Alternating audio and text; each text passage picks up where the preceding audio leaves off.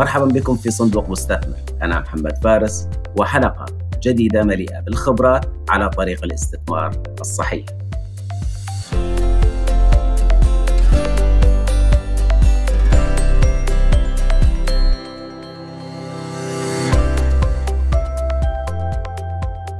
مراحل حياة الاستثمار. الاستثمار مثله مثل الإنسان يعتبر في حياته مثله مثل الكائن الحي. الكائن الحي يمر بعدة مراحل من البداية وحتى النهاية. الإنسان له فترة حياة والاستثمار له فترة حياة. عمر الاستثمار يبدأ من البداية من لحظة أن تفكر بالاستثمار. يبدأ الإنسان بالتفكير بحياته بشكل عام من البدايات تكوين الأسرة والأبناء ومن ثم ينطلق هؤلاء الأبناء إلى حياتهم المستقلة والاستثمار بنفس الطريقة يعيش وبنفس الطريقة يحيا وبنفس الطريقة ينتقل من جيل إلى جيل آخر. الآن في الحديث عن حياة الاستثمار بشكل أساسي أنا أبدأ من البدايات. ولأن الاستثمار مثل الإنسان فإن البداية تبدأ من لحظة التوافق على إطلاق هذا الاستثمار. عمليا لا يمكن أن يبدأ الاستثمار من خلال أب واحد أو أم واحدة وبالتالي هو يحتاج إلى علاقة أسرية. عادة ما يبدأ الاستثمار من خلال شخص لديه الفكرة إما أنه يمتلك خبرات تراكمية ورثها عن عائلة أو أسرة أو مجتمع تؤهله لفتح هذا الاستثمار أو بناء هذا الاستثمار بالإضافة إلى أطراف أخرى تعمل على تمويل ودعم هذا الاستثمار. هذه هي الأسرة الصغيرة التي ينشأ منها الاستثمار بحياته الحقيقية. الآن مع وجود هذا الشخص رب الأسرة الذي يمتلك الفكرة، يمتلك المعلومة، يمتلك الخبرة أو أنه وجد المشكلة والحل وقرر أن يبني هذه الأسرة أو هذا الاستثمار سوف يحتاج إلى علاقة مع أشخاص آخرين وهنا تبدأ بذرة الاستثمار الحقيقية. عندما يقرر مجموعة من الأطراف أن يبدأوا أسرة الاستثمار أو حياة الاستثمار الأساسية. في هذه المرحلة يعمل كل طرف على إيجاد صيغة التفاهم والتوافق مع باقي الأطراف. صاحب الفكرة أو المشروع أو الاستثمار يتوافق مع الممولين مع البيئة مع الاستثمار بحد ذاته. وقد لا يكون لديه القدرة على إدارة هذا الاستثمار بشكله الكامل قد لا يكون لديه الحلول لكافة المشكلات لكن الحياة هي كذلك تبدأ الأسرة مع طرفين يبدأان حياة أسرية ومن ثم يتحملان الصعاب في كل مشكلة يبحثان عن الحلول وتستمر هذه العلاقة. الآن بداية الاستثمار هي مرحلة التأسيس. مرحلة التأسيس هي المرحلة التي يبدأ فيها الطرفين بإنشاء وتأسيس هذا الاستثمار. يبدأان باستهلاك الموارد المتاحة لديهم. يبدأان باستهلاك الخبرات، الأفكار، النماذج، الحلول، المشاكل و يدعمونها بالموارد المالية، الموارد اللوجستية، العلاقات، العلامات التجارية وكل ما إلى ذلك. في هذه المرحلة يبدأ الأطراف بتأسيس هذا الاستثمار. يقوم الاستثمار بهذه المرحلة ببناء أعمدته الأساسية. ومن هذه المرحلة من هذا الرحم يبدأ الاستثمار طفولته. المرحلة التأسيسية قد تكون ثلاث أشهر، ستة أشهر، سنة أو أكثر في حال كان المشروع ستارت أب هذه المرحلة التأسيسية الاستثمار يمشي ويحبو يقف ويقع يستمر ثم يتوقف يهبط ويرتفع وكل هذه الأمور تشكل هوية الاستثمار تشكل أساسيات الاستثمار تشكل هوية هذا الاستثمار بغض النظر إذا كان الاستثمار تقليدي أو إذا كان استثمار إبداعي، إذا كان شيء جديد في هذا المجتمع، شيء منقول من ثقافات أخرى، بغض النظر سوف يمر بهذه المرحلة. كل الكتب التي تتحدث عن الاستثمار تصف مرحلة الطفولة بمرحلة التأسيس. هذه المرحلة التي تبني هوية الاستثمار وتبني مقومات هذا الاستثمار. مع استمرار هذه الطفولة مرحلة التأسيس، النشاط، التفاعل، النمو السريع لهذا الاستثمار ينتقل إلى المرحلة الثانية من حياته. هذه الحياة تبدأ الآن بمرحلة المراهقة. هذه المرحلة التي يصبح فيها الاستثمار أكثر وضوحا، يصبح الاستثمار أكثر استعدادا لمرحلة النمو الحقيقي والاستقرار. في هذه المرحلة نجد أن الاستثمار أصبح واضح نوعا ما. قد يمر على الاستثمار سنة أو أكثر أو أقل حتى يبدأ بمرحلة المراهقة أو مرحلة أن يكون يافع.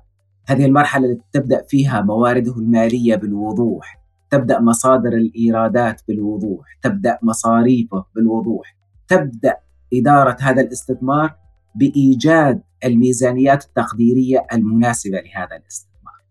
الآن في هذه المرحلة هو شاب صغير ينمو كما ينمو أي شاب آخر، وبالتالي هو نوعا ما يبدأ بمرحلة الاستقرار.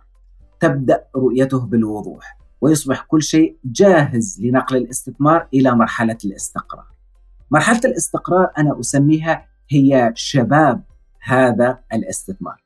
لماذا؟ لأن هذه المرحلة تحمل في طياتها نمو سريع تحمل في طياتها استقرار في مصادر الدخل والإيرادات تحمل في طياتها استقرار في المصاريف في كل التفاصيل التي تدخل في البنية المالية لهذا الاستثمار. الآن في مرحلة الشباب يبدأ هذا الاستثمار بالإستقرار، تصبح قراراته أكثر اتزانا، يصبح أكثر بعد عن مرحلة المراهقة التي تحمل كثير من الأخطاء والحلول والتجارب.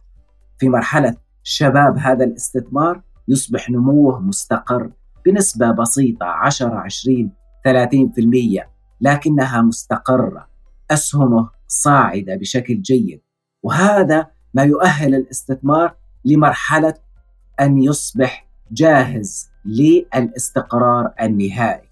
الاستقرار النهائي وهو المرحلة التي يصبح فيها هذا الاستثمار جاهز لتحمل المسؤولية، جاهز ليكون استثمار بشكله النهائي أو المستقر بشكل أساسي. وكما أني أذكر أن الاستثمار مثله مثل حياة الإنسان فهذه المرحلة هي المرحلة التي يتحمل فيها كل طرف من أطراف الحياة الأسرية المسؤوليات التي تسمح لهم بتكوين أسر مستقلة. الآن هذا الاستثمار أصبح مستقر. قد يمثل هذا الاستقرار النمو الصحيح، النمو الذي لا يتجاوز 10 إلى 20% في حياة الاستثمار وفي مدخولات هذا الاستثمار ومصاريف هذا الاستثمار. في هذه المرحلة يصبح الاستثمار قادر على دعم وتكوين وإنشاء استثمارات جديدة تتبع له قادر على فتح فروع جديدة تتبع له. هذه المرحلة هي ما يسمى مرحلة التسليم على المفتاح. في هذه المرحلة يصبح اعتماد الاستثمار على الجهة المشغلة له على الأشخاص الذين يمثلونه ويشغلونه ويمولونه اعتماد بسيط جدا. أصبح هذا الاستثمار ما أسميه بآلة طباعة النقود. هو عبارة عن آلة لها أنظمة لها إجراءات لها أدوات قادرة على أن تعتمد على نفسها بدون الحاجة إلى وجود من يحل مشكلاتها باستمرار. هذه المرحلة هي التي يصبح فيها الاستثمار جاهز للبيع أو جاهز للتوسع أو جاهز للنمو بشكل أفقي في مجالات جديدة أو في أسواق جديدة. هذا الاستثمار أصبح الآن مستعد للاستقلال. في هذه المرحلة سوف نجد أن أغلب الاستثمارات انتقلت من الإدارة التنفيذية إلى إدارة من خلال مجلس الإدارة. وبالتالي مجالس الإدارة هذه ستقوم بوضع السياسات العامة، الرؤية العامة لهذا الاستثمار. بينما تعمل الأقسام والإدارات على الإدارة التنفيذية وتتبع نفس النهج الذي وضعه الاستثمار في مرحلة الاعتماد على نفسه. هذه المرحلة من حياة الاستثمار بالنسبة للإنسان هي الثلث الأخير من حياته. المرحلة التي يصبح فيها هذا الاستثمار مستقل، يعتمد على نفسه قادر على التوسع والنمو بشكل صحيح وبشكل مستمر. وكما عرفنا الاستثمار في حياته من مثال حياة الإنسان ومروره بمرحلة الطفولة والمراهقة والشباب والاعتماد على النفس ومن ثم الاستقلال فالاستثمار بطبيعة الحال سوف يمر بكل هذه المراحل. أي استثمار يقفز من مرحلة إلى مرحلة يجب أن يعتمد على شروط أساسية. القفز ما بين المراحل وحرق المراحل يحتاج إلى وجود خبرات سابقة، يحتاج إلى وجود موارد كافية، وبالتالي إذا لم تبني استثمارك الأول وفق حياة الاستثمار الصحيحة لن يكون لديك القدرة على حرق المراحل أو القفز في مراحل لاحقة لاستثمارات لاحقة. وفي هذه السلسلة بعد الحديث عن الاستثمار ونمو الاستثمار والحديث عن تمويل هذا الاستثمار سوف نتحدث عن مرحلة الاعتماد على النفس وتجهيز الاستثمار للاستقلال. وأخيرا بعد أن تبني الاستثمار وتمر بحياته وتصل إلى مرحلة الاستقلال والاعتماد على النفس ويصبح استثمارك. ليس بحاجة لوجودك. سوف نتحدث أيضا ماذا ستفعل بعد هذا الاستثمار وكيف تبني استثمارات جديدة. كيف يمكنك حرق مراحل وتسريع العملية. وهذه الخطوات التي أذكرها دائما يجب أن تطابق حياة الاستثمار. الاستثمار مثله مثل الإنسان. يجب أن يمر بمراحل عمرية يجب أن يخوض تجارب عملية وحياتية وبدونها لن يصبح الاستثمار قادر على الاعتماد على نفسه. معا سوف نعمل على بناء استثمارات تمر بحياة صحية وتنتقل إلى مرحلة الاعتماد بالنفس سوف تصبح جزء من الاقتصاد الفعال كما هو الإنسان جزء من المجتمع الفعال. هل لديك استثمار في أي مرحلة أنت؟ إذا كان لديك استثمار أو تفكر في استثمار أو استثمارك قائم شاركني هذه المعلومة في التعليقات وسوف أجيبك بالمرحلة القادمة. كنت معكم محمد فارس وبودكاست صندوق مستثمر تابعوني على جميع منصات البودكاست وقناتي على اليوتيوب وألتقيكم في الحلقة القادمة.